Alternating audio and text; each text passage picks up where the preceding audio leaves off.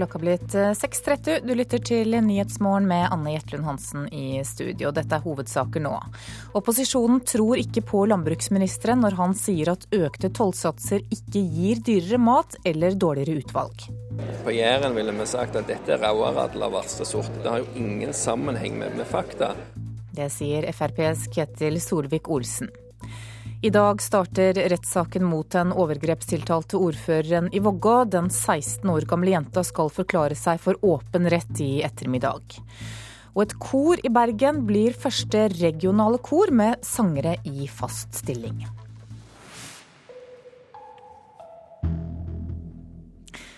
Opposisjonen mener altså at landbruksministeren bløffer når han påstår at økte tollsatser ikke gir dyrere mat eller dårligere utvalg. Det ligger an til dårligere utvalg av kjøtt i våre butikker, sier Solfrid Fladeby, som er pressetalskvinne i Rema 1000. Hun synes det er rart at tollen øker når det er mangel på rødt kjøtt i Norge. Vi syns jo dette her er veldig spesielt, fordi at det er betydelige utfordringer med råvaretilgang på de norske biffene. Og det er klart at hvis vi skal betale 600 kroner kiloen for å importere indrefilet fra Uruguay, så sier det seg jo selv at det ikke blir et eh, godt alternativ. Og da vil man redusere utvalget i de norske butikkene, uten tvil. I september ble det kjent at tollsatsene på kjøtt og ost øker kraftig i neste års statsbudsjett. I går kom detaljene. En rekke oster får toll på 277% På rødt fe blir tollsatsen 344% og på lam hele 429% Både når det gjelder ost og når det gjelder eh, storfe biffilet, så vil ikke den norske forbrukeren merke forskjell i butikken knapt merke forskjell i det hele tatt etter, etter, jul. Og Det er fortsatt rom for å både øke mangfoldet og øke importen. Men det her er en framtidig forsikring for norsk landbruk. For norsk landbruk er helt unikt. Og denne regjeringa her ønsker å ha et landbruk rundt i hele landet. Og vi ønsker å ha en matproduksjon rundt i hele landet. Så nå, nå, nå gir vi en framtidig handlingsrom. Men 344% det gir altså ikke utslag i noen ting? Det høres litt rart ut, men faktisk ikke i utgangspunktet. En slik beskrivelse forstår ikke nestleder i Frp, Ketil Solvik-Olsen. På Jæren ville vi sagt at dette er rauaradel av verste sort. Det har jo ingen sammenheng med, med fakta. Målet med økt tollvern er jo at du skal øke prisene på konkurrenten sine varer. Da kan du ikke late som at forbrukerne ikke vil merke de økte prisene. Det er en sammenheng her som regjeringen må innrømme, at de har et mål. Norsk landbruk skal tjene eller overleve bedre fordi at konkurrentene ikke får tilgang på markedet fordi at prisene selv blir for høye. Tror de har vært litt like kreative med tall som vi ser at regjeringa er på mange andre fronter i dette forslaget. Sier Venstre-leder Trine Skei Grande. Når de øker tollen med over 300% så forventer jeg at det også kommer til å ha virkninger. De siste årene har Rema 1000 profilert seg på den såkalte Uruguay-biffen. Riktignok oppretter Landbruksdepartementet nå en ny kvote på 500 tonn som skal sikre fortsatt import. Men det er ikke nok, sier Solfrid Fladeby i Rema 1000. ja, og det er jo fint hvis vi får hele den kvota alene. Det hadde jo vært eh, kjempefint, men vi tror nok ikke at det er Rema 1000 som drar av gårde med hele den tollkvoten alene. Og den tilsvarer vel i utgangspunktet bare den importen vi alene har hatt i år. Reporter her var Line Tomter. I dag starter rettssaken mot ordføreren i Vågå i Sør-Gudbrandsdal tingrett på Lillehammer. Rune Øygard er tiltalt for seksuelle overgrep mot en mindreårig jente. Reporter Elin Fossum gir oss et tilbakeblikk på det som har skjedd. En stol var tom kvelden den 17. september i fjor på Vienvang hos mesterkokken Arne Brimi i Vågå.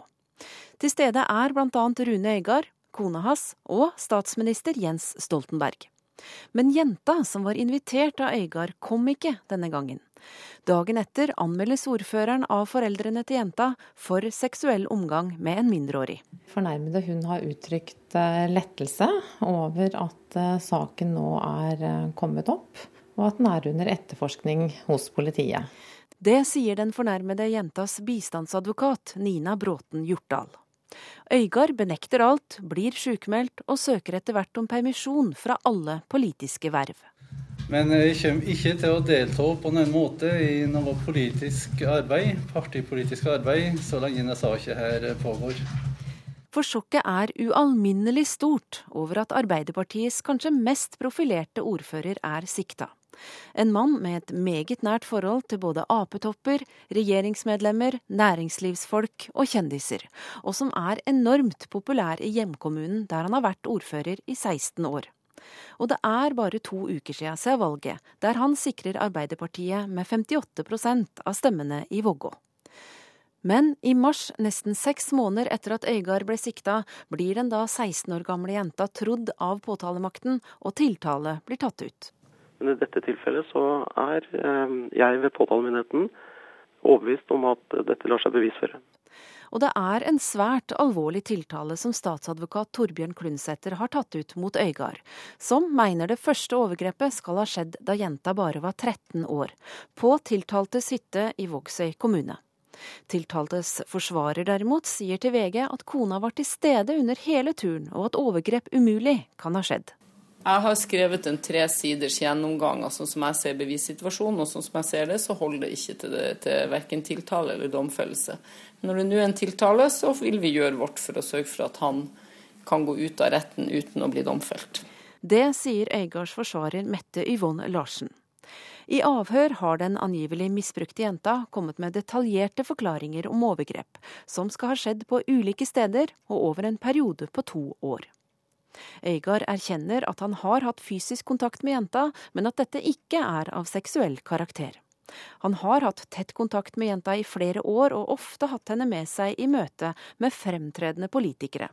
Jentas bistandsadvokat mener Øygard har opptrådt som en mektig maktfigur.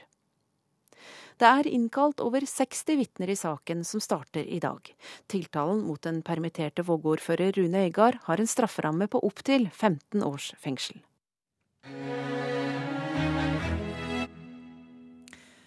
I dag samles representanter for parter i arbeidslivet til konferanse om trepartssamarbeidet. Yrkesorganisasjonenes sentralforbund har regien, og du leder det hele, Tore Eugen Kvalheim. Hvorfor trenger vi en slik konferanse? Det trenger vi for å eh, understreke det samarbeidet som eh, den norske tradisjonen eh, hviler på. Det er viktig for oss å få fram at YS og andre fagforeninger vi forhandler og er motpart med arbeidsgiverne én gang i året, men resten av året så er vi medspillere og ønsker å utvikle bedriftene og virksomhetene der vi jobber Eh, sammen. Eh, og Det gjør vi i det vi kaller den norske samarbeidsmodellen, eller trepartssamarbeidet. og Det er eh, viktig for oss å, vise at det gir verdiskaping og velferd for, for, for alle. Arbeidslivet forandrer seg, men denne samarbeidsmodellen er jo gammel. Hva er hovedutfordringene arbeidsgivere og arbeidstakere står overfor? Eh, hovedutfordringene er jo også eh, utvikle bedriftene og virksomhetene i, eh, i fellesskap. Eh, og hovedavtalen hovedavtale, som, som er si, det formelle uttrykket for, for, vår medbestemmelse, går jo, som du sier, langt tilbake. Og Det er viktig for oss å understreke dette gang på gang, at den medbestemmelsen som, som vi ønsker, den ønsker vi å bruke til bedriftene og, og virksomhetenes beste. Eh, men for at vi skal få eh, dyktige eh, tillitsvalgte, så må arbeidstakerne organisere seg. Og vi må stille opp for hverandre, og man må velge å, å ta verv som tillitsvalgt. Og YS arbeidslivsbarometer, som vi også presenterer i dag, viser også en, en viss fallende tendens blant fagforeningenes legitimitet. Eh, og Det skyldes at mange tillitsvalgte ikke ser at de får nok igjen for det arbeidet som, eh, som, eh, som de gjør. Derfor er det viktig for å, å nettopp understreke at uh, hvis vi skal få denne samarbeidsmodellen til å, til å gå, gå i hop, så, så, så, må vi stille opp. og uh, Fagforeningene er avhengig av, også YS, er avhengig av en, en viss styrke for at vi skal kunne gjøre jobben vår. Og igjen så har vi hørt at lederlønningene tar av nå sist i statens eiendomsselskap Entra. Hva har det å si for oppslutningen om samarbeidsmodellen i arbeidslivet? Ja, den, den, eh, den si, Samarbeidsmodellen hviler jo på flere byggesteiner. Og, og, eh, det med at vi har relativt små inntektsforskjeller i Norge, det er også en, en forutsetning for, for denne modellen. Eh, og Da vil det være sånn at hvis ledere i samfunnet konsekvent over tid har en mye høyere lønnsvekst enn resten av arbeidstakerne, så vil, vil det rokke ved denne tilliten. Og det, det tror jeg er, er, farlig. Og Det gjelder særlig også da, eller kanskje ikke særlig, men ikke minst da, de selskapene som også det offentlige selv kan, kan på, hvor man det offentlige selv kan påvirke lederlønningene, f.eks. I, i Entra. Og Næringsministeren har jo flere ganger påpekt at eh, man må få kontroll over lederlønningene i det, i det offentlige. Eh, men stadig vekk så kommer det eksempler på det, på det motsatte. Og vi er heller ikke blitt eh, likestilte hjemme. Hva har det å si for arbeidsdagen på jobb? Det har jo eh, det å si at eh, det blir vanskeligere å få et eh, likestilt arbeidsliv når vi heller ikke har kommet langt nok på likestillingsfronten i hjemmet. Av disse parameterne som vi måler i YS arbeidslivsbarometer, så, så viser det seg jo at det står bra til i arbeidslivet generelt sett. Mange føler trygghet i jobben, føler at de har en, en spennende jobb å gå til hver dag. Men akkurat på dette, på dette punktet, på likestilling, så viser det seg at det ligger lavere enn de fleste andre barometerpunktene. Det vil si altså at hjemme så er det fortsatt eh, det går i riktig retning, det må sies, men, eh, men, det er fortsatt mor som gjør mest. Far, vi gutter vi tror vi gjør mer enn det vi gjør, og vi må nok ta skjeen i en litt annen hånd. Takk til deg, Torhaug Skien Kvalheim, som er leder i IS. Nord-Korea hevder å ha langtrekkende raketter som kan nå mål i USA. I en uttalelse fra det offisielle nordkoreanske nyhetsbyrået sier de at ikke bare den koreanske halvøya er innen rekkevidde, men også Japan, Guam og altså det amerikanske fastlandet. Utspillet kommer som et svar på en ny avtale USA har inngått med Sør-Korea om å forlenge rekkevidden til landets rakettsystemer.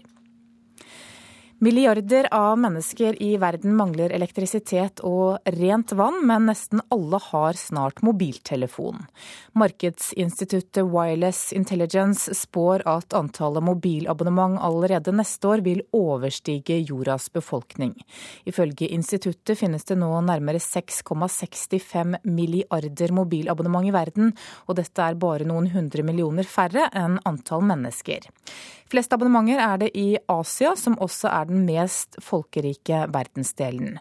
Antallet abonnement i forhold til befolkningen er høyest i Europa, nærmere bestemt 135 da skal vi ta en kikk på dagens aviser, og regjeringas forslag til statsbudsjett som ble lagt fram i går, preger de fleste forsidene i dag. Aftenposten forteller at neste år betaler vi for første gang mer i bompenger enn det staten bruker til nye investeringer til veier. Dagbladet gir deg alt om din nye økonomi neste år, så mye mer får du, skriver avisa. Årets budsjettvinner er deg, forteller VG. Både pensjonistene, de enslige og barnefamiliene får mer. Dagsavisen bruker en familie med tre barn som eksempel for hvordan økonomien for vanlige folk blir neste år. Familien kan se frem til høyere lønninger, lavere rente og fortsatt lav makspris på barnehageplassene. Vårt Land skriver at pengene som var øremerket rusomsorg nå blir puttet i felleskassa i kommunene, og dermed må hjelp til rusmisbrukere konkurrere med andre gode formål, som barnehage, svømmebasseng og hjemmehjelp. Finansministeren får kritikk i Nasjonen i dag for forslaget om å øke ligningsverdien for næringseiendom fra 40 til 50% Klassekampen forteller at finansministeren bremser veksten i offentlig forbruk også neste år. Veksten er halvert siden Sigbjørn Johnsen overtok for Kristin Halvorsen i Finansdepartementet. Sju av ti nye jobber går til innvandrere, skriver Dagens Næringsliv. Finansministeren venter vekst i innvandringen også fremover. Stavanger Aftenblad har snakket med en alenemor som leier en leilighet, men som frykter at neste års statsbudsjett vil gå ut over husleiemarkedet. Adresseavisen følger opp saken om lederlønn i det statlige eiendomsselskapet Entra, og forteller at Rune Olsøs navn ikke sto på hoderjegerfirmaets liste over anbefalte kandidater. Og Bergensavisen har ryddet forsiden i dag for å feire Branns 3-2-seier over Hønefoss i går. Og det skal vi snakke mer om nå, for bergensernes krav om flere lokale spillere på Brann ser ut til å være hørt. I går vant Brann 3-2 over Hønefoss altså, og det var 17 år gamle Bård Finne og 20 år gamle Kristoffer Larsen som sørget for hver sin skåring helt på tampen. Hele laget ble hylla etter Branns 3-2-seier over Hønefoss. Men det var to lokale unggutter som fikk mesteparten av æra. Først utligna 17 år gamle Bård Finne til 2-2 tre minutter før slutt. Så setter 20-åringen Kristoffer Larsen inn seiersmålet på overtid.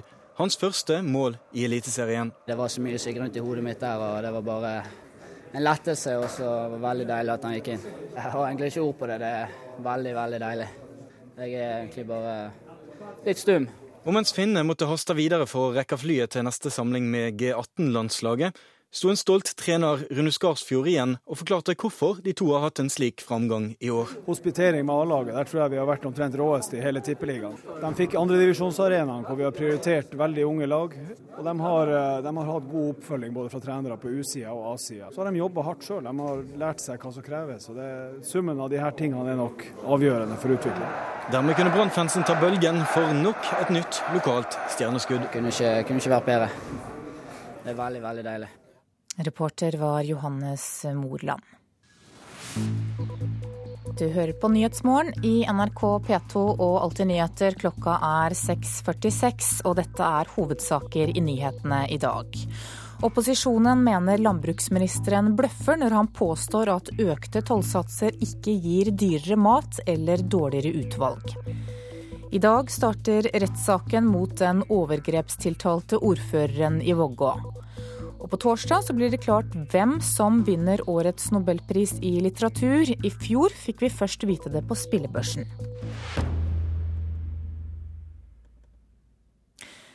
I kveld starter fjernsynsserien om Hellfjord, en fiktiv bygd i Finnmark. Det meste av opptakene er gjort i Gryllefjord på Senja, og en stor del av lokalbefolkningen er med som statister. Vår reporter dro til utkantbygda for å sjekke forventningene. Jeg er spent på hvordan dette her skal gå, og jeg tror det blir å gå kjempebra. Anna Wilsgård, en av de voksne i Gryllefjord, som var statist under innspillinga av Helfjord i fjor sommer. Sjøl har hun rolla som gammel bestemor som står med ei barnevogn og røyker, bare røyker, og kaker aska i barnevogna. Hun syntes det var artig å være med, og frykter ikke at bygda skal få et negativt stempel som et gudsforlatt avhold i nord. Alle kjenner jo man Virko og vet hva slags hva han driver på med. Hvem som tror man alt det her blå og greier som han har holdt på med på Finnmark, det er jo ikke virkelig. Og disse zombiene som kommer opp ut av marka. Så du har sett filmer? Jeg har sett det på TV. Så da vet vi jo hva han Det er jo sånn svart humor han driver på med, han Virkola. Mr. Helfjord, I presume? Historia om Helfjord er politimannen som ble flytta fra Oslo til det lille stedet Helfjord etter at han skjøt politihesten sin. Her havner han i affærer der eh, fiskemottak og narkotika skal være plottet. Vi satt og røykte, jeg og en småglunt. Han var ikke mer enn 14 år. ja. Under opptaket det gikk så lang tid før de, før de ble fornøyd. Vi røykte jo flere sigaretter bare på, på den stunda. De, de. Men du røyker jo ikke til vanlig? Jeg røyker ikke til vanlig, nei. Kjell Wilsgård han er mannen til Anna. Han var med i det som het Helfjord harpungjeng. De opptak ute i fjæra der under, under kai der. Så vi sto jo bare der og med harpuner klar til, til, til. Så du var ikke med og skjøt? Vi var ikke med og skjøt, det var vi ikke, nei. Det var jo noen som ble skutt under, under, under kaia der, så blod og Hvordan var opplevelsen å være med på et sånt filmsett? Ja, Det var jo artig, men det var, det var mye venting. Jo, vi, vi, satt jo timevis bare for å, å, være med på et lite Vi måtte ha tålmod.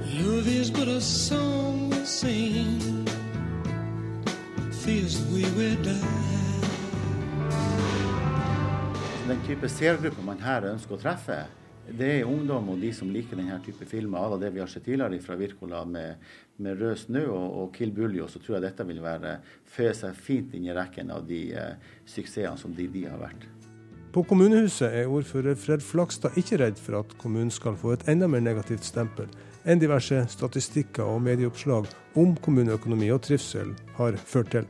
Vi skal jo først se første episode hvordan den er, men vi, sånn som vi tror det nå, og de de tilbakemeldingene vi fikk når, når, de var her under innspillinga, så tror jeg det blir veldig bra. Så vi skal nå vente og se hvordan det her eh, tar seg ut på TV. Så tror jeg vi får se ut ifra det hva vi, hva vi, bruker den til videre i kommunen. Jeg tror det her det, det, er positivt, og det er veldig spennende at det skjer ute i Torsken og i Gryfjorden. Jeg syns det er veldig bra. Og vi har jo også hatt mange lokale statister med, så jeg tror det her blir, eh, blir kjempespennende og et pluss for, for oss i Torsken. Vi var jo spennende. jo spennende. Det kom jo skuespillere hit, vet du. Og, og masse folk som var med. Og de var jo flere ganger her. De var jo ikke opptatt bare på én dag. Det var jo flere ganger. Iallfall tre ganger var de her. I Balsvika var de jo. Vi så dem bare på avstand. Vi gikk ikke verken autograf eller noe annet. Nei da, vi så dem bare. Men nå kommer folk og skal ha din autograf? Ja, kanskje. Herregud, blir jeg kjendis? Nei, det tror jeg ikke. Mm, det sa Anna Wilsgård, storrøykende bestemor i Helfjord. Og vår reporter der heter Arild Mo. Kor Vest i Bergen har ansatt sine første faste sangere. og Dette blir dermed det eneste regionale koret i landet med profesjonelle korsangere i fast stilling. Forrige uke møttes de nyansatte for første gang, og allerede om to uker skal de være klare til debutkonsert.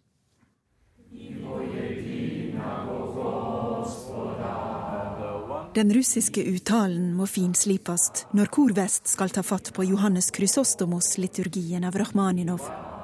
Om to veker er det debutkonsert for Norges aller første regionale kor med fast tilsatte sangere. For kunstnerisk leder Nicolas Fink i Kor Vest er dette en drøm som har gått i oppfylling.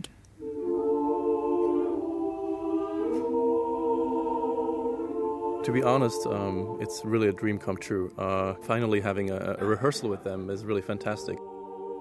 Innen korfeltet, vok vokalfeltet i Norge, så finnes det faktisk ikke profesjonelle alternativ, med unntak av Operakor i Oslo.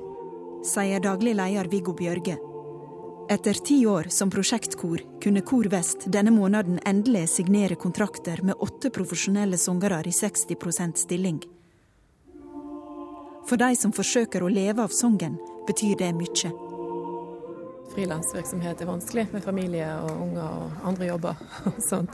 Så dette har gitt meg en sjanse til å synge mer. Fortell Turi Moberg Kirkbride, som er nytilsett alt. Kor Vest har rekruttert sangere fra fem ulike land, inkludert Norge. Kritiske stemmer har uttrykt frykt for at auka profesjonalisering på denne måten vil gå utover de lokale amatørkorene. Men Kor Vest ønsker å bli en ressurs for det lokale kormiljøet i Bergen, sier daglig leder Viggo Bjørge. Vi ønsker å medvirke til utvikling. fordi at En del av disse stillingene skal òg brukes til at vi skal ut og besøke kor, vi skal ut og besøke skoleverket. Så uh, de som er ansatt i uh, si, intervjurunder og prøvesang, så er også dette med at man skal ikke bare synge i vårt ensemble, man skal ut og virke i miljøet.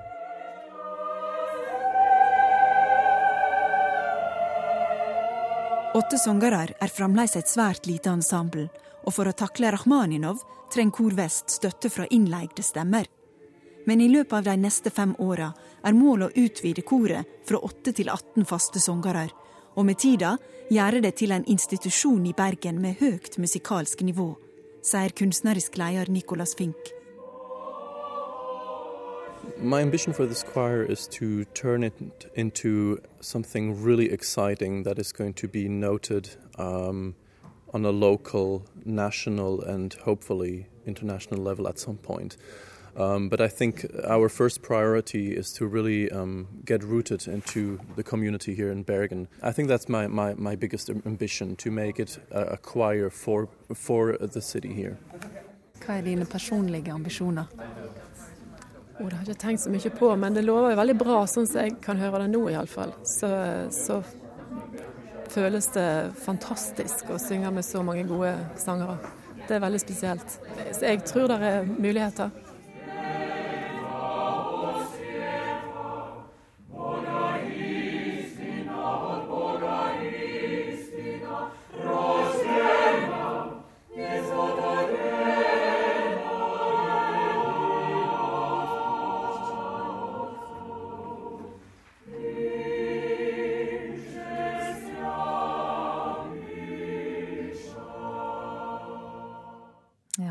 Hørte Kor Vest øve på Rachmaninovs liturgi Johannes Krysostomos. Og reporter i dette innslaget var Turid Rogne. Om to dager går dørene opp hos Svenska Akademien, og vinneren av årets nobelpris i litteratur blir offentliggjort. I fjor var det ikke alle som ble like overrasket da Thomas Tranströmer ble presentert som vinner. På spillbørsen ble han nemlig plutselig storfavoritt tidligere på dagen. The Nobel Prize in Literature for 2011 is awarded the Swedish poet Thomas Tranströmer. Jubelen runget da den svenske poeten Thomas Tranströmer ble utnevnt som vinner av Nobelprisen i litteratur torsdag 6.10 i fjor. Det skjedde klokken 13.00 hos Svenska Akademien. Men et par timer før det begynte noen plutselig å satse høye pengesummer på at Tranströmer skulle vinne, og oddsen stupte. Men redan på förmiddagen hadde det spelats ovanligt mye på just Thomas Tranströmer. Det enligt spelbolagen Ladbrokes... Disse nyhetene fikk varsellampene til å lyse hos Sveriges statsadvokat Ulf Johansson. Han satte Riksenheten mot korrupsjon til å undersøke om det kunne være snakk om en lekkasje fra de innerste sirkler i Svenska Akademien. Hva vi gjorde, var at, at vi eh, tok kontakt med, med Svenska Akademien. Og vi tok også kontakt med de spelbolag som var, var aktuelle, for å eh, nærmere opplyse oss om, om hva det var som hadde inntruffet for noe. Men Riksenheten mot korrupsjon fant ikke nok bevis på lekkasjer i sine innledende undersøkelser, og måtte legge saken på hylla. I Sverige, liksom i Norge, så får vi ikke utrede får ikke sitte og utrede saker og ting bare for at vi syns det er kult. Vi skal jo alltid ha en tilrekkelig grunn for vår mistanke, og da skal vi opp litt i mistankenivå. Og den nivåen har vi ikke kommet opp i. Torsdag denne uken kan historien gjenta seg. Da blir det nemlig kjent hvem som blir årets vinner av Nobels litteraturpris. Vi får håpe at vi blir like overraska som det dere blir når det blir offentliggjort. Kim Ruud Pettersen i spillselskapet Nordic Bet er redd vi også i år kan få vite navnet på nobelprisvinneren via oddsen før det blir offentliggjort fra Svenskeakademien. Når det gjelder hvem som vinner, så er det jo i slike uttellinger alltid en viss fare for at enkeltpersoner vet svaret, og noen klarer ikke å holde på det. Og reporter her, det var Ina Strøm.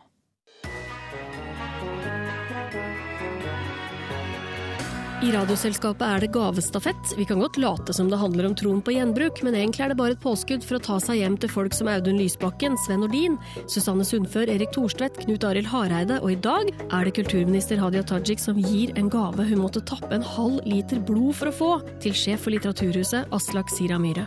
Gavestafetten går klokka 11. Da skal vi se på et værvarsel som gjelder til midnatt. Fjell i Sør-Norge kan vente seg nordvestlig bris. Senere skiftende bris, etter hvert pent vær og mot kvelden tilskyende i vest. Østlandet i morgentimene nordlig frisk bris. Stiv kuling i ytre Oslofjord. Spredte regnbyger og snø over 500 meter. Telemark og Agder på kysten periodevis frisk bris. Vest for Lindesnes opp til stiv kuling først på dagen. Etter hvert pent vær først i vest.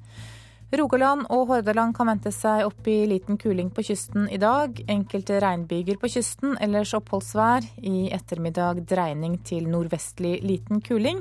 Regnbyger og snøbyger over 700-800 meter.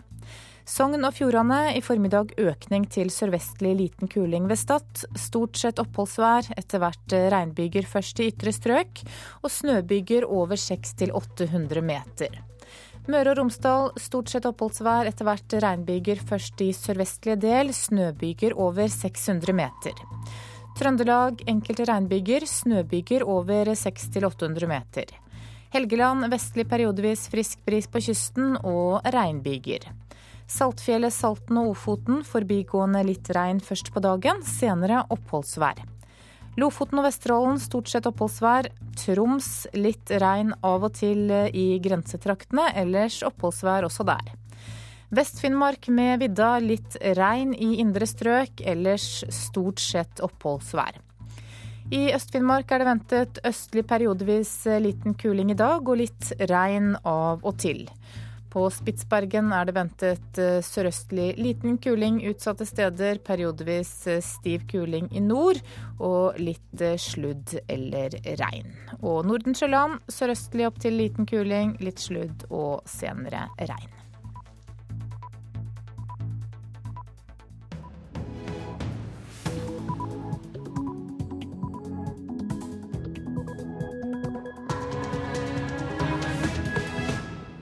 Det er klokka sju. Du lytter til Nyhetsmorgen med Anne Jetlund Hansen i studio. Her er en nyhetsoppdatering. Antall utenlandske fanger i norske fengsler er tredoblet på ti år. Ingen andre europeiske land har opplevd en tilsvarende endring.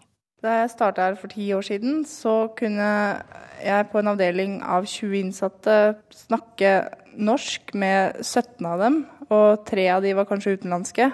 I dag er det helt omvendt. Sier fengselsbetjent Maren Øvrebø. Regjeringen bryter noen av sine viktigste løfter fra Soria Moria i sitt forslag til statsbudsjett. Både forskere, studenter og lærere er skuffet. Regjeringen har ikke innfridd eh, å få midlertidigheten ned i akademia. Den har gått opp. Regjeringen skulle styrke forskerrekrutteringen. De siste to årene er det ikke gitt en eneste stipendiatstilling sier leder i Forskerforbundet Bjarne Hodne. Opposisjonen tror ikke på landbruksministeren når han sier at økte tollsatser ikke gir dyrere mat eller dårligere utvalg. Tysklands forbundskansler Angela Merkel er i Aten. Det er første gang hun besøker Hellas etter at landet havnet i gjeldskrise. I dag skal Høyre-leder Erna Solberg overbevise EU-motstandere i det konservative søsterpartiet i Storbritannia om at EU-medlemskap er et gode. Konservative James Harvard forventer altså at den norske Høyre-lederen møter motbør i EU-debatten i dag. Og han har ett eneste råd. Don't join the European Union. Det har altså blitt eh, over tre ganger så mange utlendinger i norske fengsler de siste ti årene. Norge er det landet i Europa der andelen utenlandske fanger har økt mest, ifølge forsker. I Oslo kretsfengsel møter vi en 25 år gammel østeuropeer som er fengslet for kredittkortsvindel. Norge er et rikt land, sier mannen i mørke joggebukser på et rom i Oslo fengsel. Han hørte rykter om at det kunne være god butikk å gjøre kriminalitet i Norge før han kom hit. Heard, you know, it's uh, the whole Scandinavian area, the whole Western Europe is pretty attractive. I år 2000 var én av åtte fanger i Norge utlendinger. Nå er det én av tre. Maren Øvrebø er fengselsbetjent og tillitsvalgt ved Oslo kretsfengsel og har fulgt utviklingen på nært hold. Da jeg starta her for ti år siden, så kunne jeg på en avdeling av 20 innsatte snakke norsk med 17 av dem, og tre av de var kanskje utenlandske. I dag er det helt omvendt, så i dag må jeg prate engelsk eller ingenting med 17 av dem, og kan kanskje prate norsk med tre av dem. Det som vi også kan se, er jo at fangemiljøet endrer seg. Det er flere kulturer, det er religioner. Og de er mye mer eh, voldelige, hvis man kan si det sånn. Um, respekten for å gå til angrep på tjenestemann er mye lavere nå enn da jeg begynte her for ti år siden. Og 25-åringen fra Øst-Europa, som nå er i Oslo fengsel, sier han ikke vil ha svindlet folk i hjemlandet. The country is a poor country. People do not have much resources. Reporter her, det var Haldor Asvald. Ragnar Kristoffersen, du er forsker ved Kriminalomsorgens utdanningssenter. Hva er grunnen til denne økningen? Nei, Norge er vel et attraktivt land, da, både for de som vil ha legalt opphold og de som har illegale hensikter. Det har jo vært en stor tilstrømming av eh, utenlandske statsborgere til Norge de siste årene.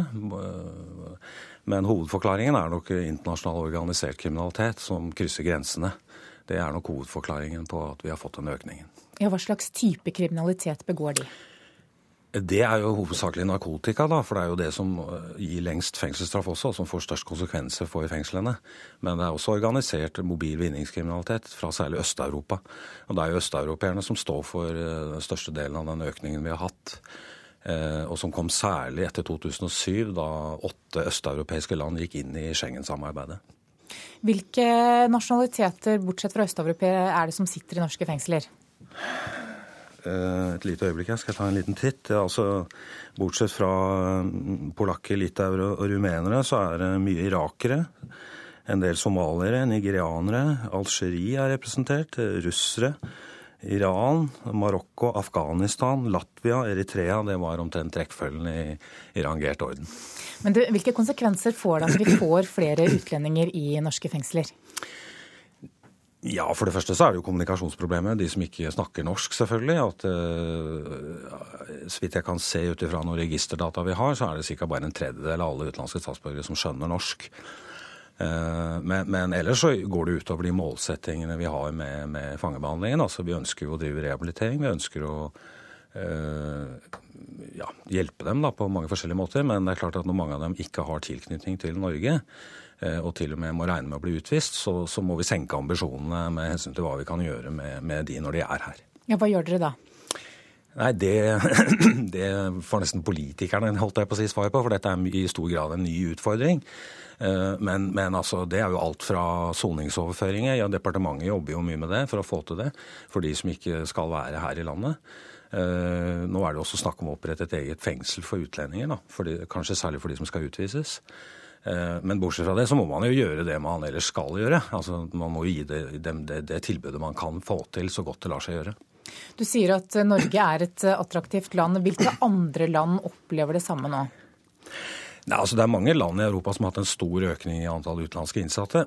Men vi må huske på at dette er nasjoner med i utgangspunktet ganske store fangepopulasjoner. slik at eh, selv om det tallmessig sett er Spania som faktisk har hatt den største økningen i, hvis, vi teller antall personer i fengsel. Eh, men til gjengjeld så er det et så stort land med så med, så, med, en så stor fangebefolkning at relativt sett så får det ikke samme betydning som det får for Norge. Norge et, eh, har, tradisjonelt hatt en liten fangepopulasjon sammenlignet med andre europeiske land. Og Det betyr at eh, den relative effekten av å få en sterk økning i utlendinger blir altså mye større for oss.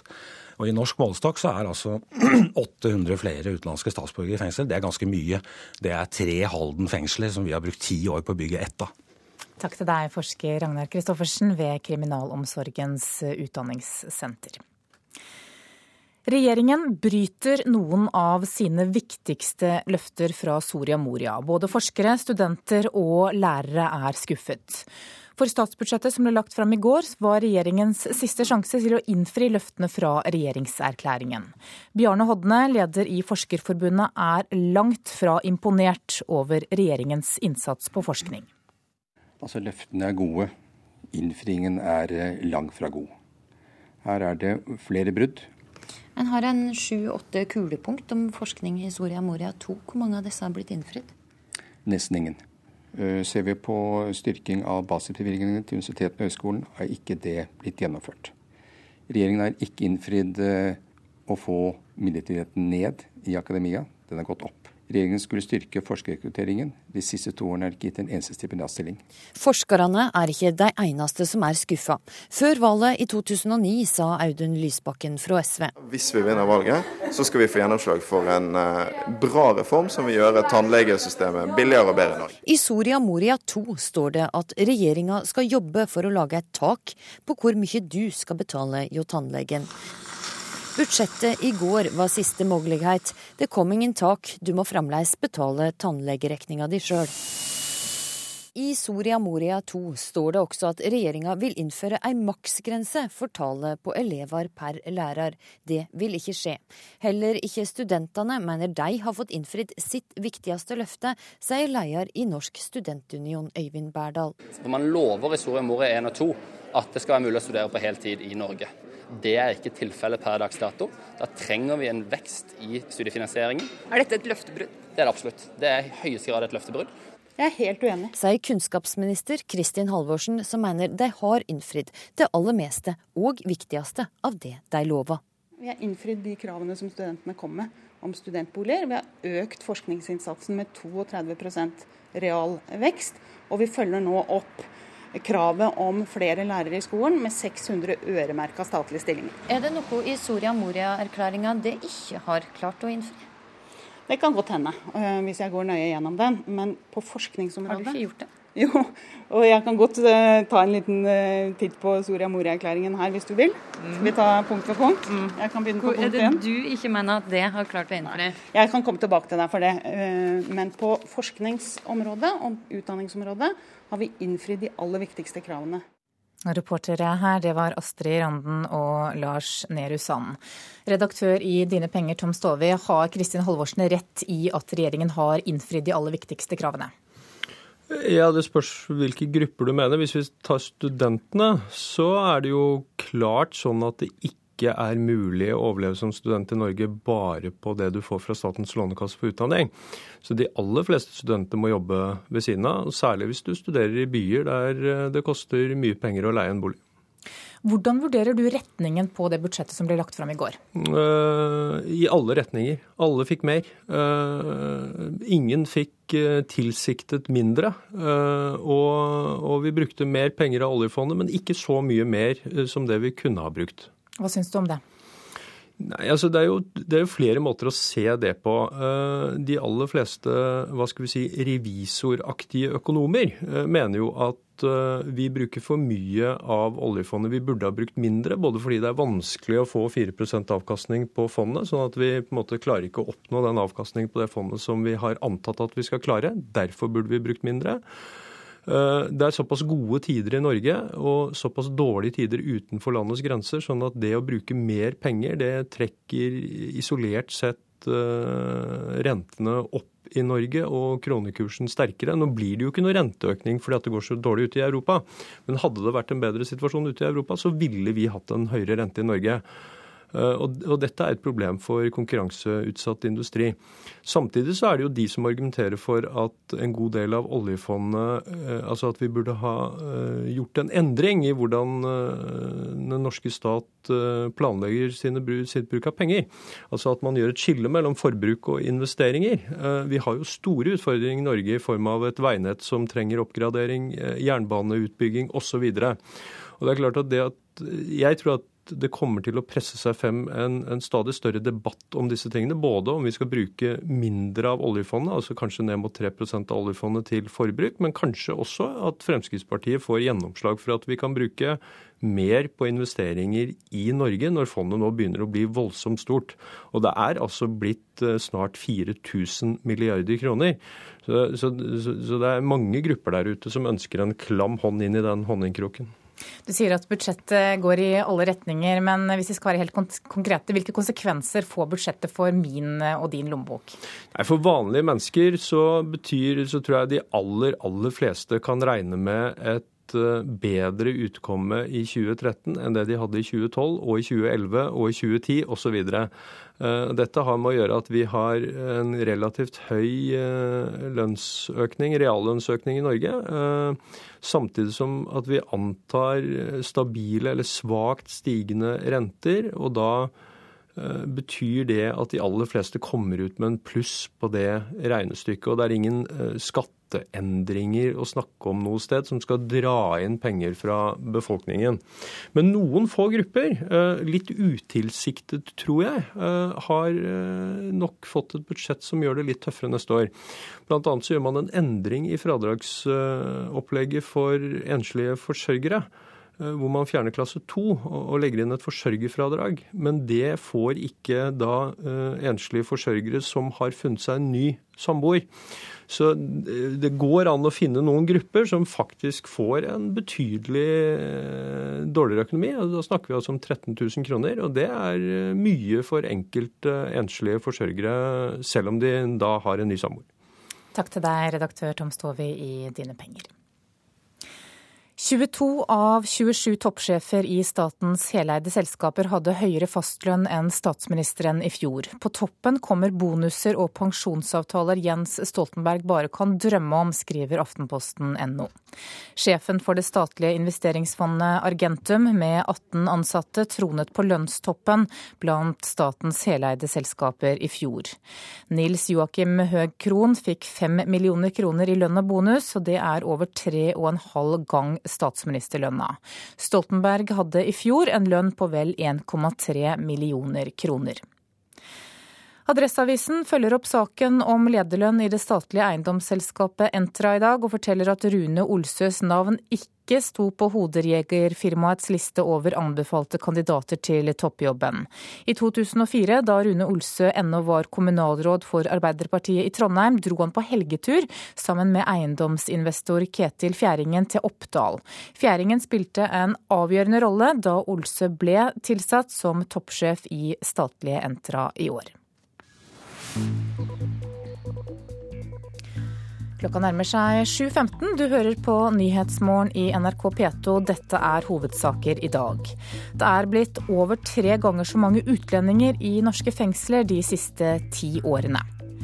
Forsker, studentere og lærere er skuffet og mener at regjeringen i budsjettforslaget bryter flere av de viktigste løftene fra Soria Moria. Og i dag starter overgrepsrettssaken mot Vågå-ordfører Rune Øygard i Sør-Gudbrandsdal tingrett. Hellas får sjeldent besøk i dag. Tysklands forbundskansler Angela Merkel er, Merkel er, nemlig i hovedstaden Aten, og dette er første gang hun besøker Hellas etter at landet havnet i gjeldskrise. Hun skal vise støtte til kuttpolitikken til statsminister Antonis Samaras, men Angela Merkel er Europas mest upopulære politiker i kriserammede Hellas akkurat nå. Og europakorrespondent Hege Mo Eriksen, hva er ventet i Aten? Igjen i dag. Allerede i går kveld så fikk Angela Merkel en liten forhåndssmak på hva som kan vente henne. Da marsjerte 8000 demonstranter i gatene i Aten mens de sang ut i eh, protest mot den tyske sparepolitikken og hadde bannere hvor det sto 'Angela Merkel, du er ikke velkommen her'. Så Merkel skal til Aten for å vise eh, støtte til den greske regjeringen, som akkurat nå står midt oppe i arbeidet med å svinge sparekniven og gjennomføre tøffe kutt. Eh, spørsmålet er om synet av Angela Merkel i Aten eh, kan roe massene, eller heller kanskje sette fyr på et ulmende sinne som allerede er i det greske folket. Hvilken beredskap har myndighetene iverksatt eh, nå før møtet? Ja, dette er en eh, sekstimers visitt, og det er omfattende tiltak som er eh, iverksatt i Aten. Eh, politiet tar ingenting for gitt. Det er 6000 politifolk og antiterrorpoliti på plass i gatene. Og myndighetene har i dag forbudt demonstrasjoner og samlinger i Aten. Hvordan er situasjonen for gresk økonomi akkurat nå? Ja, Situasjonen er på ingen måte lys. Man gjennomfører nå nye kutt, med, eh, nye kutt i lønninger og pensjon. Og for den jevne greker så er jo Merkel blitt nettopp symbolet på alt dette. Alle kuttene, alle innstrammingene, alle sparetiltakene. Dette er jo politikk etter tysk mal, og det er altså Tyskland som bestemmer spillereglene for de andre landene. Og for Tyskland så er det budsjettdisiplin som gjelder. Eh, og for den jevne greker så, så er det altså Angela Merkel som styrer alt det vonde som, som skjer i Hellas. Merkel karikeres i greske aviser som nazist med Hitlerbart. Og det er, eh, som jeg merker når jeg snakker med, med grekere, er at det er uttalte antityske holdninger blant eh, grekere som eh, mange sier de føler at Tyskland okkuperer dem på ny. Og midt oppi da denne runden med nye kutt og innstramminger, så skal altså Merkel da i dag til til eh, Antonis Samaras, statsministeren, for å vise sin støtte. Og det kan nok bli en het dag i Aten eh, i dag. Takk til deg, europakorrespondent eh, Hege Mo Eriksen. Og I dag og i morgen så møtes Natos forsvarsministre til møte i Brussel, der også Norges forsvarsminister Anne Grete Strøm-Eriksen skal delta. Og NRKs utenrikskommentator Gro Holm, du har nylig vært i Afghanistan i forbindelse med at de norske styrkene trakk seg ut av Faryab-provinsen. Hva er de viktigste utfordringene Nato nå står overfor i forbindelse med uttrekkingen av Afghanistan, som etter planen skal være fullført i 2014? Ja, Hvis en starter med Afghanistan-delen av det, så er det jo at Nato må på en måte føle seg trygg på at afghanerne virkelig er i stand til å ta over ansvaret for sikkerheten. Natos mål har jo flyttet seg underveis i, eh, i forbindelse med Afghanistan-operasjonen. Nå er liksom slagordet 'vi overlater eh, til afghanerne, heretter skal de klare seg selv'. Og Det er det mange som er usikre på, om de vil klare seg selv, eh, f.eks. i sør og øst, hvor sikkerheten ikke er blitt bedre, snarere tvert imot i de siste månedene. Hvis man ser på Nato-siden siden av det, så er jo den store utfordringen hva skal Nato gjøre nå? Hvordan skal Nato som eh, forsvarspakt, ikke bare som politisk allianse, være relevant, ikke minst for amerikanerne? Europa bidrar med bare en firedel av Natos ressurser. Eh, USA med resten.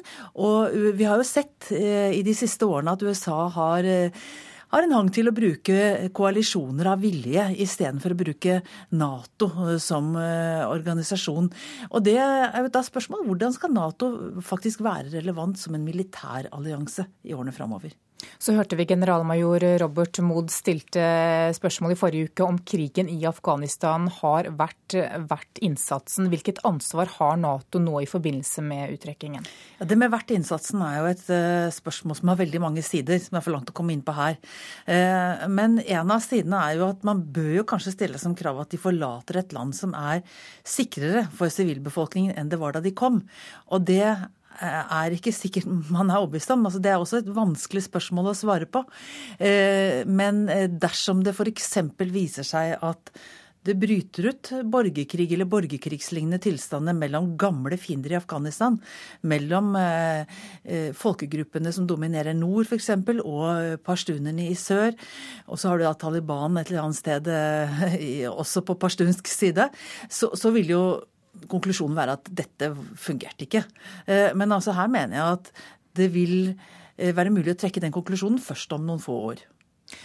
Natos forsvarsministre skal nå følge opp vedtakene fra toppmøtet i Chicago tidligere i vår. og Du dekket dette møtet i USA. Hva er hovedstrategien? Hovedstrategien eller slagordet nå er 'smart defense'. Nato utstyrer seg jo som regel med slike slagord som er enkle å forstå. Eh, kort sagt så er det eh, bedre samarbeid. Alle skal ikke drive med alt. I en situasjon hvor flere land kutter forsvarsbudsjettene med mellom 10 og 20% så må eh, Nato lære seg å samarbeide bedre. Alle skal ikke ha stridsvogner. Eh, alle skal ikke ha ubåter. Nå har de ikke hatt det i dag heller, men altså det skal være enda smartere enn det har vært til nå. Eh, og det jobber man veldig mye med. Norge eh, er et av de få landene som har et, eh, en høy andel fortsatt av BNP, altså på, til forsvarsbudsjettet. Vi har god råd. Norge ser jo for seg at vi fortsatt skal være et øvingsparadis, nærmest, for Nato-landene. Men det er dette smart defense som kanskje er det aller, aller viktigste på dagsordenen også i Brussel. I tillegg til Afghanistan, som jo også ble et viktig punkt.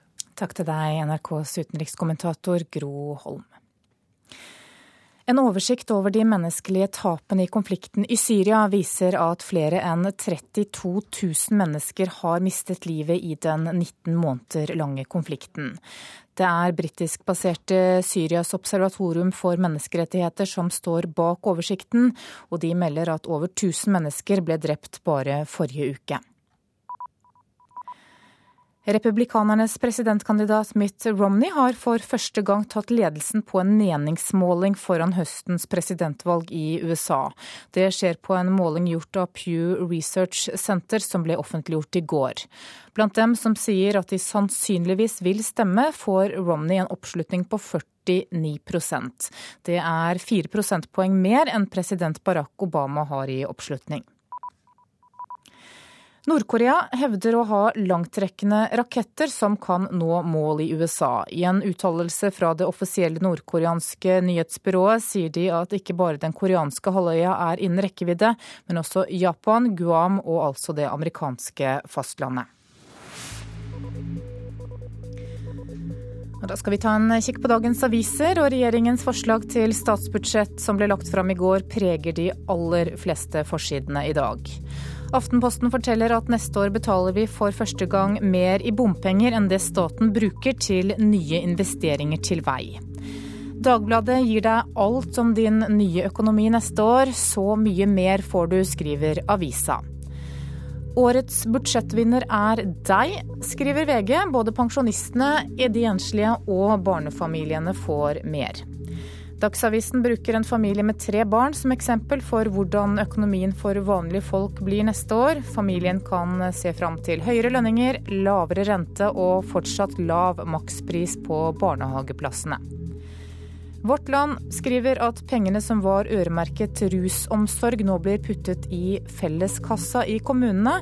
Dermed må hjelp til rusmisbrukere konkurrere med andre gode formål som barnehage, svømmebasseng og hjemmehjelp. Finansministeren får kritikk i Nasjonen i dag for forslaget om å øke ligningsverdien for næringseiendom fra 40 til 50% Klassekampen forteller at finansministeren bremser veksten i offentlig forbruk også neste år. Veksten er halvert siden Sigbjørn Johnsen overtok for Kristin Halvorsen i Finansdepartementet. Sju av ti nye jobber går til innvandrere, forteller Dagens Næringsliv. Finansministeren venter vekst i innvandringen også fremover. Stavanger Aftenblad har snakket med en alenemor som leier en leilighet, men som frykter at neste års statsbudsjett vil gå utover husleiemarkedet. Adresseavisen følger opp saken om lederlønn i det statlige eiendomsselskapet Entra, og forteller at Rune Olsøs navn ikke sto på hoderjegerfirmaets liste over anbefalte kandidater. Og Bergensavisen har ryddet forsiden i dag for å feire Branns 3-2-seier over Hønefoss i går. I dag deltar EU-tilhenger og Høyre-leder Erna Solberg i debatt om unionen med EU-motstandere i det konservative søsterpartiet i EU-landet Storbritannia. Det er nemlig slik at mens Solberg ønsker at Norge skal bli medlem av EU, så er det sterke krefter i det konservative partiet i Storbritannia som ønsker landet ut av unionen. Her er det jo de konservative, de liberalistiske, som er mest imot EU, og sosialistene som er mest for. Og her får Erna Solberg er for øyeblikket Storbritannia. Hun deltar på det konservative partiets landsmøte, der stemningen for tiden er nokså EU-skeptisk. A lot of people look in Britain look towards the relationship that Norway has with the European Union, um, and also the relationship that Switzerland has. James Harvard er menig partimedlem og mener britene bør se til Norge. Han ønsker Storbritannia ut av EU. We cannot afford to give billions of pounds every year to the EU um, without knowing exactly what we're getting for it. James Harvard er ikke alene om å mene at EU ikke tjener Storbritannia. Under landsmøtet har flere EU-skeptiske grupper informasjonsdisker, der de prøver å overbevise flere om Den europeiske unionens onder. Og innad i det konservative partiet er presset stort på partiledelsen om å holde en folkeavstemning om forholdet til EU. Det er ikke et spørsmål om, men når en slik folkeavstemning skal holdes, ifølge Harvard. Was perhaps we should have a referendum. Maybe we should, maybe we shouldn't. At this conference, the question is just when the referendum will be. When should it be? Should it be now or later? I dag deltar Erna Solberg i debatt med sine britiske partifeller. Men mens de vil ut av EU, vil hun inn. Det har med britenes historie å gjøre, mener Solberg. Det er jo den gamle vitsen om at eh, når eh, det var tåke i kanalen og man ikke kunne ha kontakt, så, så, så, så, var det ikke det at Storbritannia var isolert, det var at Europa var isolert. Det var den britiske tanken om det. Og Det er nok fortsatt litt sånn at de er veldig knyttet mot USA, veldig knyttet mot sine tidligere kolonier og tenker litt annerledes. Eh, men så er det også at det er en mye sterkere liberalistisk eh, frihandels-, frimarkedstankegang i deler av det konservative partiet, som jeg tror er, er, også litt av grunnlaget. Her tenker man at man, man skal ikke ha så mange arbeidstakerrettigheter som f.eks. det nå kanskje Cameron og andre mener er riktig. Så hvor vil du plassere det britiske konservative partiet politisk på en norsk målestokk? Det er jo avhengig av sakene. Men i forhold til Europa så ligger de jo langt hvis vi sitter høyre til oss. Hva forteller det deg, som står utenfor EU, men som gjerne vil inn, at noen som da er inne i EU, gjerne vil ut? Det forteller meg mye om at Storbritannia som et eh, stort land har en litt annen vinkling også på hva som er utfordringene enn det f.eks. Norge har. I'm sure if she said to the auditorium, should, you know, should Norway join the EU, the, the, there'll be the loudest no you've ever heard. Um, not because we don't want Norway in, but because we'd be saying don't make the mistake that Britain has made. Um, I mean, this, the European Union, I think, has cost us a huge amount of money. Really, if you look at the figures, the effect it's had on trade has not been has not been good. Um, yes, Britain trades a lot with the European Union, but it would have anyway. Konservative James Harvard forventer altså at den norske høyrelederen møter motbør i EU-debatten i dag. Og han har ett eneste råd. Don't join the European Union. Det var korrespondent Gry Blekastad Almås som møtte James Harvard og Erna Solberg i Birmingham. Du hører på Nyhetsmorgen i NRK P2. Den neste halvtimen får du Dagsnytt 7.30 med Kari Bekken Larsen. I dagens utenriksreportasje skal vi høre at Serbia er et av de mest homofobe landene i Europa. Og i Politisk kvarter blir det debatt om skatt klokka 7.45. Produsent for Nyhetsmorgen i dag heter Silje Katrine Bjørkøy. Her i studio Anne Jetlund Hansen.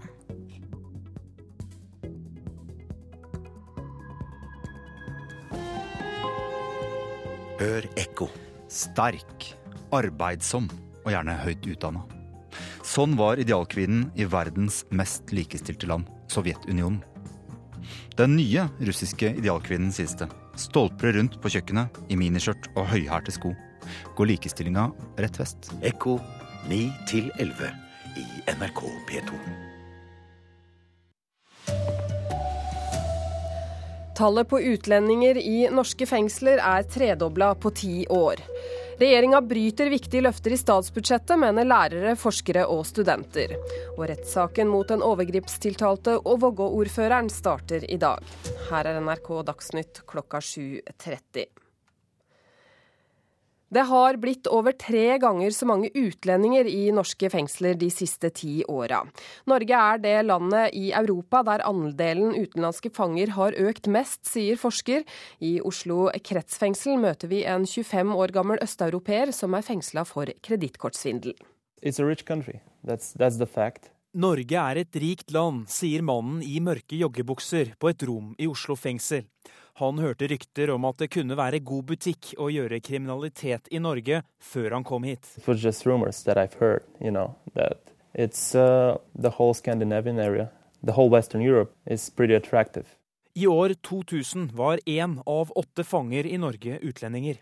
Nå er det én av tre. For de land som vi har eh, sammenlignbar statistikk eh, på, så er det ikke noe land i Europa som har hatt en høyere økning i sin andel utenlandske statsborgere i fengsel enn Norge sier forsker ved Kriminalomsorgens utdanningssenter, Ragnar Christoffersen. Den store økningen vi fikk i antall utenlandske innsatte, den kom akkurat i og med en kjempestor utvidelse av Schengen-samarbeidet, hvor åtte østeuropeiske land gikk inn i Schengen-samarbeidet samtidig, nemlig i 2007. Så dette må jo ha noe med fri bevegelighet, eh, fravær av passkontroll og grensekontroll og slike ting å gjøre. Maren Øvrebø er fengselsbetjent og tillitsvalgt ved Oslo kretsfengsel, og har fulgt utviklingen på nært hold. Da jeg starta her for ti år siden, så kunne jeg på en avdeling av 20 innsatte snakke norsk med 17 av dem, og tre av de var kanskje utenlandske. I dag er det helt omvendt, så i dag må jeg prate engelsk eller ingenting med 17 av dem, og kan kanskje prate norsk med tre av dem. Reporter her Haldor Asvald. Både forskere, studenter og lærere er skuffa over det de mener er løftebrudd i statsbudsjettet. For budsjettet som ble lagt fram i går var regjeringas siste sjanse til å innfri løftene i regjeringserklæringa fra Soria Moria. Leder i Forskerforbundet Bjarne Hodne mener regjeringa ikke holder det den har lovt. Altså Løftene er gode, innfriingen er eh, langt fra god. Ser vi på styrking av basisbevilgningene til universitetene og høyskolen, er ikke det blitt gjennomført. Regjeringen skulle styrke forskerrekrutteringen. De siste to årene er det ikke gitt en eneste stipendiatstilling. Forskerne er ikke de eneste som er skuffa. Før valget i 2009 sa Audun Lysbakken fra SV. Hvis vi vinner valget, så skal vi få gjennomslag for en eh, bra reform som vil gjøre tannlegesystemet billigere og bedre enn Norge. I Soria Moria 2 står det at regjeringa skal jobbe for å lage et tak på hvor mye du skal betale hjå tannlegen. Budsjettet i går var siste mulighet. Det kom ingen tak, du må fremdeles betale tannlegeregninga di sjøl. I Soria Moria 2 står det også at regjeringa vil innføre ei maksgrense for tallet på elever per lærer. Det vil ikke skje. Heller ikke studentene mener de har fått innfridd sitt viktigste løfte, sier leder i Norsk studentunion Øyvind Berdal. Man lover i Soria Moria 1 og 2 at det skal være mulig å studere på heltid i Norge. Det er ikke tilfellet per dags dato. Er dette et løftebrudd? Det er det absolutt. Jeg er helt uenig. Sier kunnskapsminister Kristin Halvorsen, som mener de har innfridd det aller meste og viktigste av det de lova. Vi har innfridd de kravene som studentene kom med om studentboliger. Vi har økt forskningsinnsatsen med 32% realvekst. Og vi følger nå opp kravet om flere lærere i skolen med 600 øremerka statlige stillinger. Reportere her Astrid Randen og Lars Nehru Sand. Opposisjonen mener landbruksministeren tuller når han sier at økte tollsatser ikke gir dyrere mat eller dårligere utvalg. Solfrid Fladeby, pressetalskvinne i Rema 1000, sier det vil bli dårligere utvalg av kjøtt i deres butikker. Hun synes det er rart at tollen øker når det er mangel på rødt kjøtt i Norge. Vi eh, er veldig veldig bekymra for eh, om vi i det hele tatt får tilbudt da indrefilet av okse i våre butikker neste år. Det er mangel på rødt kjøtt i Norge. Likevel, i september ble det kjent at tollsatsene på kjøtt og ost øker kraftig i neste års statsbudsjett. I går kom detaljene. En rekke oster får toll på 277% På rødt fe blir tollsatsen 344% og på lam hele 429% Både når det gjelder ost og når det gjelder eh, storfe bifffilet, så vil ikke den norske forbrukeren merke forskjell i butikken men 344% det gir altså ikke utslag i noen ting? Det høres litt rart ut, men faktisk ikke i utgangspunktet. En slik beskrivelse forstår ikke nestleder i Frp, Ketil Solvik-Olsen. Regjeringen lurer enten bonden eller forbrukeren. Jeg tror de lurer forbrukeren her. Jeg tror de har vært litt like kreative med tall som vi ser at regjeringa er på mange andre fronter i dette forslaget sier Venstre-leder Trine Skei Grande. De siste årene har Rema 1000 profilert seg på den såkalte Uruguay-biffen. Riktignok oppretter Landbruksdepartementet nå en ny kvote på 500 tonn som skal sikre fortsatt import. Men det er ikke nok, sier Solfrid Fladeby i Rema 1000. Vi tror nok ikke at det er Rema 1000 som drar av gårde med hele den tollkvoten alene, og den tilsvarer vel i utgangspunktet bare den importen vi alene har hatt i år. Reporter Line Tomter. I dag starter rettssaken mot Vågå-ordfører Rune Øygard i Sør-Gudbrandsdal tingrett på Lillehammer. Øygard er tiltalt for seksuelle overgrep mot ei mindreårig jente. Reporter Elin Fossum har mer. En stol var tom kvelden den 17. september i fjor på Vienvang hos mesterkokken Arne Brimi i Vågå. Til stede er bl.a. Rune Øygard, kona hans og statsminister Jens Stoltenberg. Men jenta som var invitert av Øygard, kom ikke denne gangen. Dagen etter anmeldes ordføreren av foreldrene til jenta for seksuell omgang med en mindreårig. Fornærmede hun har uttrykt eh, lettelse over at eh, saken nå er eh, kommet opp, og at den er under etterforskning hos politiet. Det sier den fornærmede jentas bistandsadvokat Nina Bråten Hjortdal. Øygard benekter alt, blir sykemeldt og søker etter hvert om permisjon fra alle politiske verv. Men jeg kommer ikke til å delta på noen måte i noe politisk arbeid, partipolitisk arbeid, så lenge denne saken her pågår.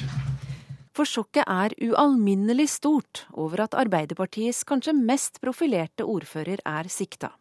En mann med et meget nært forhold til både apetopper, regjeringsmedlemmer, næringslivsfolk og kjendiser, og som er enormt populær i hjemkommunen der han har vært ordfører i 16 år. Men i mars, nesten seks måneder etter at Øygard ble sikta, blir den da 16 år gamle jenta trodd av påtalemakten, og tiltale blir tatt ut.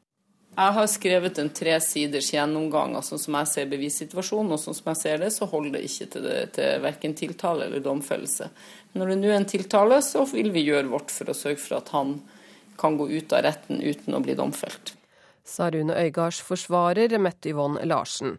Det er innkalt over 60 vitner i saken, og tiltalen mot den eh, permitterte Vågå-ordføreren har en strafferamme på inntil 15 års fengsel.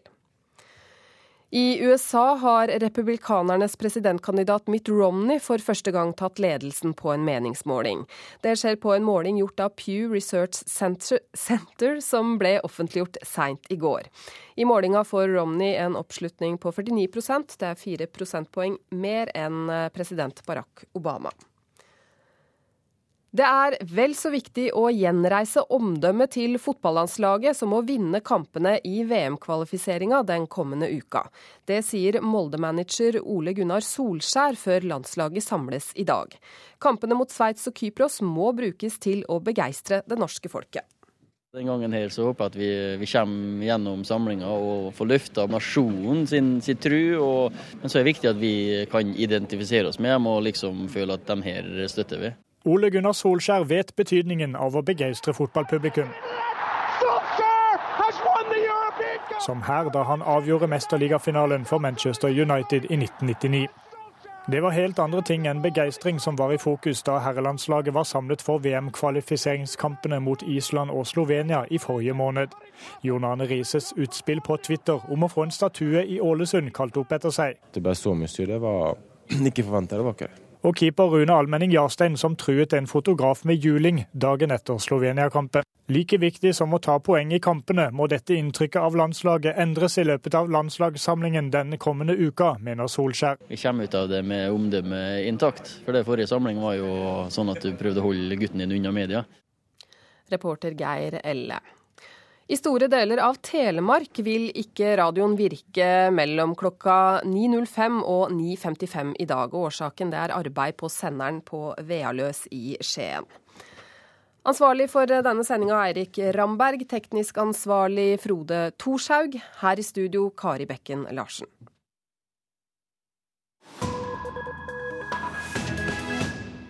Klokka er 7.40 eh, og Nyhetsmorgen fortsetter. Serbia er et av de mest homofobe landene i Europa. I helga så ble en homoparade avlyst for andre år på rad. Nå advarer EUs utvidelseskommissær den serbiske regjeringen mot diskriminering av homofile dersom landet ønsker å bli medlem av EU. Selv å lage filmer om homofili byr på vanskeligheter i Serbia.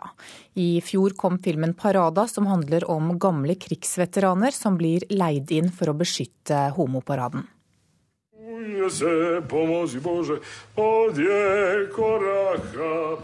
Den homofobe middelaldrende serbiske gangsteren Limon driver ei livvaktbedrift som vakter turbofolkstjerner og annet tvilsomt klientell.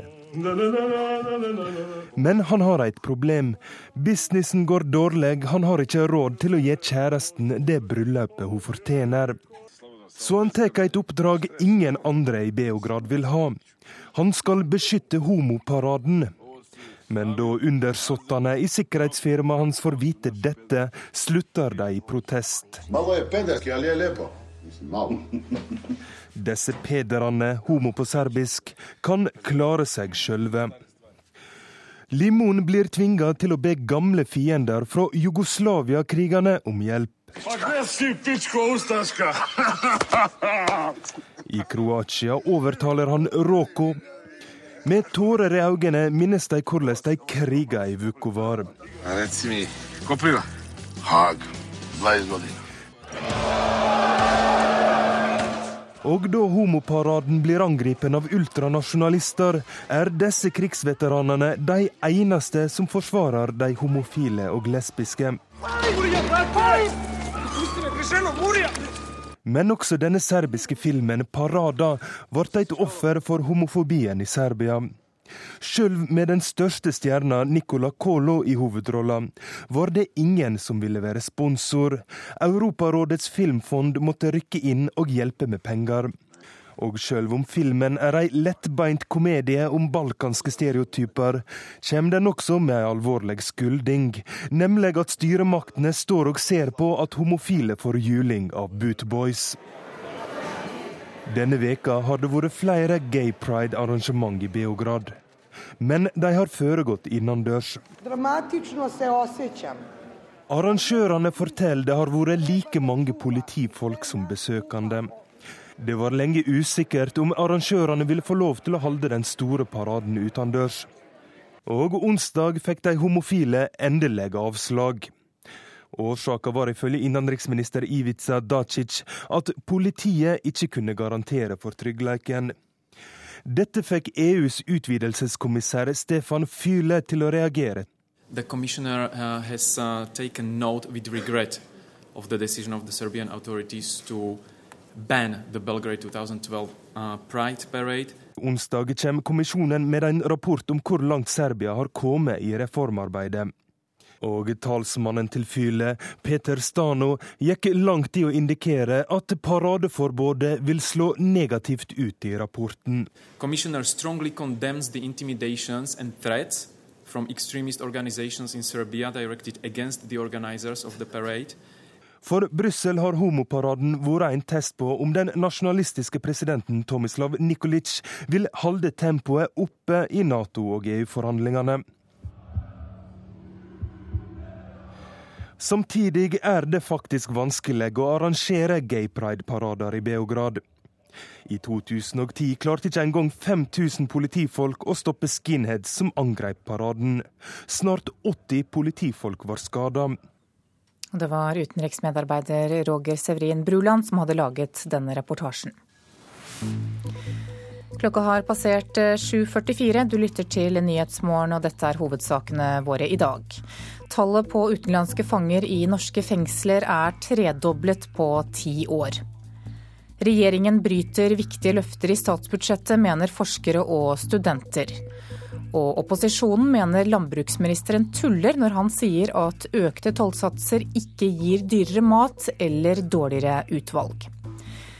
Og i Politisk kvarter så blir det debatt om skatten, Per Arne Bjerke.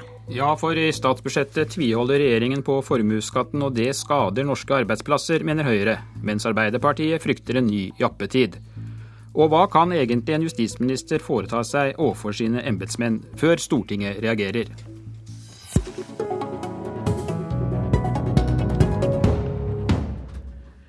Regjeringen øker bunnfradraget i formuesskatten, og neste år er det bare 16% av skattyterne som rammes av denne omstridte skatten.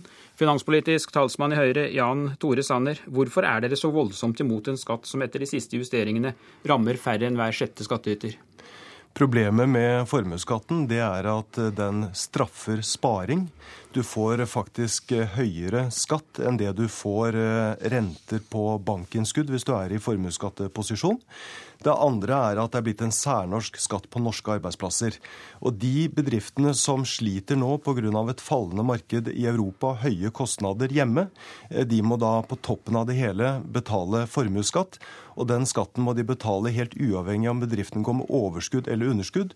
Du betaler den på bygningsmasse, på maskiner og på lagervare, og mange må ta ut store utbytter av bedriften, tappe bedriften for, for kapital for å betale denne særnorske skatten. De pengene vil jeg latt bli i bedriftene, slik at de kunne investere i ny verdiskaping, nye norske arbeidsplasser. Ja, Leder i Stortingets finanskomité, Torgeir Micaelsen fra Arbeiderpartiet, du sitter klar i studio i Drammen. Samtidig som bunnfradraget øker og færre skal betale formuesskatt, så øker dere altså ligningsverdien for næringseiendommer. Det betyr at de fleste bedrifter, også de som allerede sliter tungt pga. eurokrisen, skal betale enda mer formuesskatt. Hvorfor er dette rimelig? Jeg tror først vi skal rydde opp i begrepene. Det er ingen bedrifter som betaler formuesskatt i Norge. Det er de personene som Eierne av bedriftene, da. Det er riktig. Og uh, uansett hvordan man snur og vender på det, så er de som eier bedrifter i Norge, også i all hovedsak blant de mest velstående.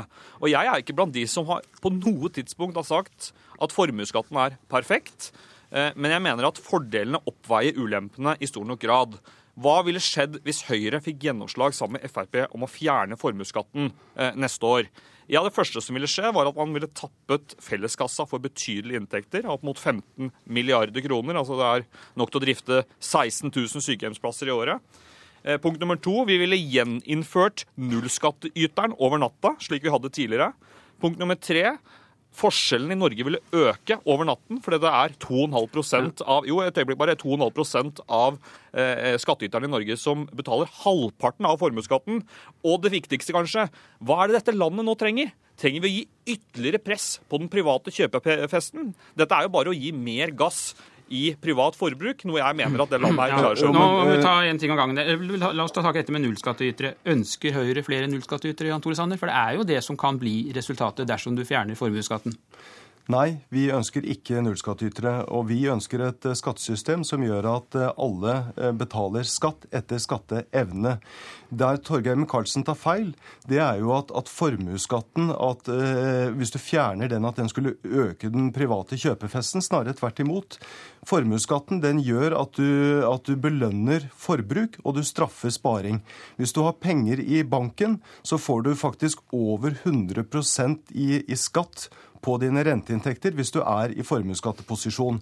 Jeg syns Torgeir Micaelsen også skal ta seg en liten tur rundt i Norge og snakke med, med, bedriftslederne og de ansatte på de små familieeide bedriftene rundt omkring i landet. Så vil han derfor høre at formuesskatten den bidrar til at bedriften tappes for kapital. Penger som burde vært brukt til å investere i ny verdiskaping og, og, norske arbeidsplasser. Og det er faktisk slik Torgeir Micaelsen, at hvis du investerer i verdiskaping og arbeidsplasser, så bidrar det til vekst og, og høyere høyere skatteinntekter i årene som kommer. Eh, ja, Torgeir Micaelsen, for det er vel slik at eh, Hvis bedriften da går med underskudd, så må eieren fortsatt betale formuesskatt. Forstår du at mange reagerer? Ja, det gjør jeg. Og det er en av de tingene som eh, i en helt ideell verden, hvis det hadde gått an å konstruere skattesystemet så finmaska at man gikk klar av det, så ville jeg vært for det. Det er veldig vanskelig, det vet Jan Tore Sanner. Og en rapport som bl.a. Sanner pleier å trekke fram, som et selskap som heter Menon, lagde om dette, nettopp dette fenomenet. Det viste seg at det var jo et veldig marginalt fenomen. Det er jo 1,5% av de bedriftene man hadde spurt hvor dette var et tema. Over 20 000, Over 20 000 eh, bedrifter. Er, jo, men Torgeir ja, Micaelsen, du kan ikke Nå er det jeg som hadde ordet. Nå var det jeg som hadde ordet her i Drammen, var det ikke det? Ja, nå skal jeg Kort. Jo. Ja, nettopp. Så jeg, ikke, jeg, jeg, jeg, erkjenner fullt ut at det er svake sider, men det jeg syns er det mest oppsiktsvekkende i denne diskusjonen, er at Høyre på ingen måte tar inn over seg at dette landet nå har altså en, en kapitaltilgang, en privat velstand, som er uh, sanne sidestykke. Og i den historien skal man nå bare gi gass og ikke se noen av de negative jo, sidene ved å fjerne formuesskatten. Torgeir Micaelsen, du, du, har helt rett i at, eh, at norske, de fleste norske husholdninger har det veldig godt. Vi har en veldig sterk økning i, i, i lønningene i Norge. Men Formuesskatten bidrar jo til at du belønner forbruk, og du straffer sparing og investering i norske arbeidsplasser. slik at hvis du hadde ønsket at norske forbrukere hadde spart mer og investert mer, ja, så skulle du gjort det med formuesskatten. Og jeg syns det er ganske oppsiktsvekkende at du som finanspolitiker i Arbeiderpartiet kan si at det er ikke noe problem at 20 eh, 000 bedrifter som går med underskudd, er nødt til å, å tappe bedriftene sine for kapital for å betale formuesskatten. det vi trenger i Norge, Norge, det er jo flere eh, norske eiere, et mer mangfoldig og sterkere norsk eierskap. Og da er vi nødt til å trappe ned formuesskatten. Og med den pengerikdommen som er på de offentlige budsjettene, så vil vi både kunne trappe ned formuesskatten samtidig som vi øker investeringer og trygger velferden. Torgeir Micaelsen. For det første, det siste er jeg sterkt uenig og jeg gleder meg nå til å utover høsten diskutere de regnestykkene som Sanner her farer med. Det er ikke eh, regnestykker som holder vann. Bare å fjerne formuesskatten ville tatt et betydelig andel av det enhver tid sittende regjering hadde av handlingsrom. Men det er greit. Høyre prioriterer skatt. De er helt manisk opptatt av skatt. Hver gang det er et problem som skal løses, enten det er i finanskrise, etter finanskrise, eller når det nå går godt i norsk næringsliv og blant norske privatpersoner, skal man fjerne skatter. Jeg lurer på, Hva skal du gjøre da, Jan Tore Sanner? Ja, det, er jo, det er jo ganske interessant eh, at du sier at vi er manisk opptatt av skatt. Jo, det er det. Helt manisk. Jo, jo, jo. Men uh, nå har jo den fremste anklagen mot Høyre de siste årene vært at vi ikke snakker nok om, nok om skatt. Ikke fra Men meg. Hvis du, eh, hvis, hvis du ser på det handlingsrommet som den rød-grønne regjeringen har hatt, så har det handlingsrommet økt, og da inkluderer jeg prisstigningen, med 262 milliarder siden 2005. Hadde du fjernet formuesskatten, så ville du fortsatt hatt om lag 250 milliarder kroner til eh, økte utgifter i folketrygden, ja, til investeringer ja, i, i, i, veier og kunnskap, og til å trygge velferden i årene som kommer. Og Der må jeg sette strek for dere. Takk skal dere ha, Torgeir Micaelsen og Jan Tore Sanner. Jeg eh, klandrer meg selv for eh, ikke å ha tatt kontakt med Øystein Mæland morgenen torsdagen eh, da jeg fikk mange pressehenvendelser knyttet til habilitet. Ja, I går kveld beklaget altså justisminister Grete Faremo sin behandling av tidligere politidirektør Øystein Mæland, etter at hun hadde fått kanonader av kjeft fra opposisjonen i Stortinget for sin lederstil. Og nå er vel alt i orden etter at Faremo har tatt selvkritikk, medlem av kontrollkomiteen for Høyre, Per Kristian Foss? Ja, hun fortjener iallfall honnør for å, ta, for å gi unnskyldning til Mæland. Men jeg syns det er beklagelig at en justisminister som for mange år siden selv har blitt ut, utsatt for det hun kalte et røvertokt, at det var blitt fjernet av daværende statsminister Jagland, nå selv går frem på en måte som er så beklagelig at hun selv må unnskylde seg i ettertid. Syv uker i ettertid. Det er ikke en justisminister verdig. Ja. Men nå har både politietaten og vår manglende beredskap fått voldsom kritikk etter 22.07. Og hadde det ikke vært verre om Faremo som ny justisminister ikke hadde foretatt seg noe, og latt alle fortsette i sine posisjoner? Jo, på en måte, men da å kaste en politidirektør som knapt hadde tiltrådt Så du mener Mæland burde fortsatt? Jeg mener iallfall at dette var, gjort som et uh, tokt for å vise handlekraft, og gjort på en måte som var kritikkverdig. Og jeg har også kritisert at når ny departementsråd skulle utnevnes, altså sjef i departementet under statsråden, så utlyser man ikke stillingen, men, men håndplukker folk, uh, medarbeidere. Det tror jeg er en dårlig måte å rekruttere til ledende embetsstillinger på. Det hindrer jo for fremtiden eh, at andre kvalifiserte søkere prøver seg, når man ser at det håndplukkes.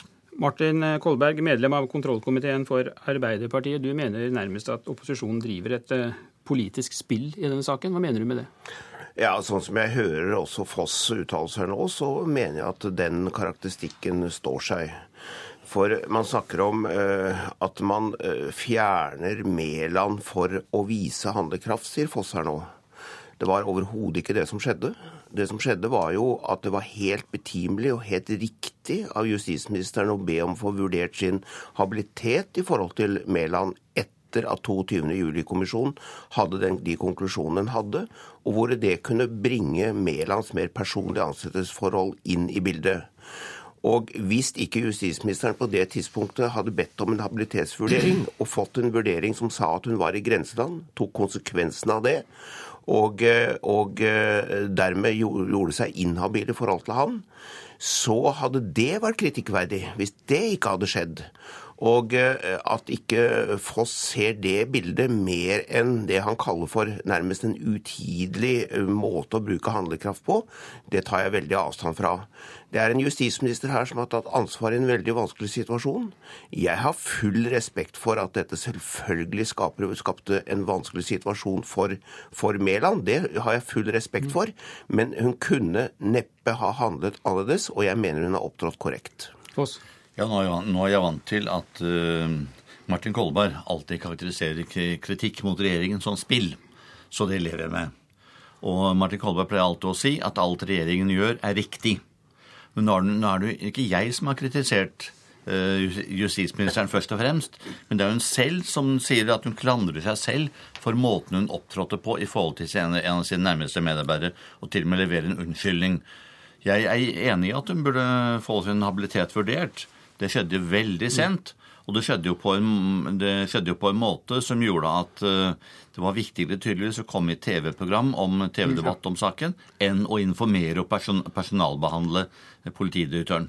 Kolberg har ikke toppembetsmenn også krav på en ordentlig og anstendig behandling? Jo, og jeg er helt enig i det elementet som nå justisministeren da har uh, sagt at hun klandrer seg selv for. Det er selvfølgelig det å snakke med medarbeidere, eh, også topp embetsmenn for all del, eh, det mener jeg er helt nødvendig og riktig å gjøre. Slik at det, akkurat det punktet eh, går det an å være kritisk til. Men det å videreføre det langs det politiske sporet som nå Foss gjør, og andre gjør også, det mener jeg er å forsøke å, å slå politisk mynt på saken. Så vil jeg bare si det, programleder, at Foss sier at jeg, jeg alltid sier at det regjeringen sier er riktig riktig. Eh, det syns jeg, eh, syns jeg, ikke er, er, riktig av ham å si, i den forstand at han vet at i kontrollkomiteen så har jeg vært med på mange mange granskinger og opplegg for nettopp å få avdekket hva som foregår i forvaltning og regjering. Slik at profilen vår er ikke langs den linjen. Men her mener jeg, i denne saken som vi diskuterer nå, i denne samtalen, så er det helt åpenbart at, ja. at, det ikke er nødvendig å kritisere justisministeren slik som det blir gjort. Eh, Foss, du kritiserer jo også at de to øverste embetsmennene i departementet måtte gå. Du har selv vært statsråd. og Hva kan egentlig en statsråd eller en justisminister i dette tilfellet gjøre hvis hun ønsker å skifte ut folk på toppen? Behandle dem på en riktig måte. ikke kaste dem eh, på, på dagen. Utlyse stillingen og sørge for, for at det er åpenhet omkring eh, det at det skal ansettes nye. Det går an å be folk om å gå på en anstendig og riktig måte. Men det går også an å være åpen om det, og være åpen om utlysningen. Jo, men, slik at alle får søke, at ikke noen blir håndplukket til jobben. Men for å holde oss helt kort til realiteten. Mener du at det er rimelig at toppembetsmenn går etter den kritikken som har vært reist mot politiet etter 22.07, eller er det urimelig? Det er ikke urimelig at noe skjer, men det var ikke spesielt mot disse at det skjedde. Og den, det politiske ansvaret for uh, hva som skjedde Så det er skjedde, behandlings, ikke, behandlingsmåten, altså? Det, ja, det er behandlingsmåten. Ja. Det politiske ansvaret ligger på statsråden. Han har gått av og sitter i Stortinget vel bevart. Kolberg? Ja, jeg vet ikke hva Foss vet om eh, behandlingen av uh, embetsmenn i Justisdepartementet som jeg ikke vet. Jeg vet ingenting om det, og ikke skal jeg vite noe om det. Og jeg syns det også er helt riktig at justisministeren her uh, unnlater å kommentere dette, for dette er personalspørsmål. Og, uh, men jeg forstår det slik at Foss da bygger sine antakelser på hva som har skjedd, fra hva han har lest og hørt i mediene. Og det får være, stå for hans regning. Jeg har ikke noe grunnlag for å kritisere justisministeren på dette punktet. Jeg bare registrerer at i denne saken så karakteriserer justisministeren to ting. Hun uttaler seg ikke om personalspørsmål, sier hun, men samtidig uttaler hun seg om et personalspørsmål knyttet til politidirektør Mæland. Altså en unnskyldning og en, og en klandring av seg selv. Det er en lite konsekvent linje også her. Kolberg, kort til slutt, frykter at dette nå blir en sak som også kommer opp i Stortinget? Nei, det tror jeg ikke. Eh, fordi at denne saken er det ikke hold i til å drive noe kontrollvirksomhet på.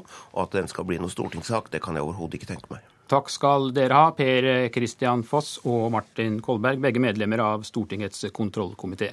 Og det var eh, Politisk kvarter. Jeg heter Per Arne Bjerke.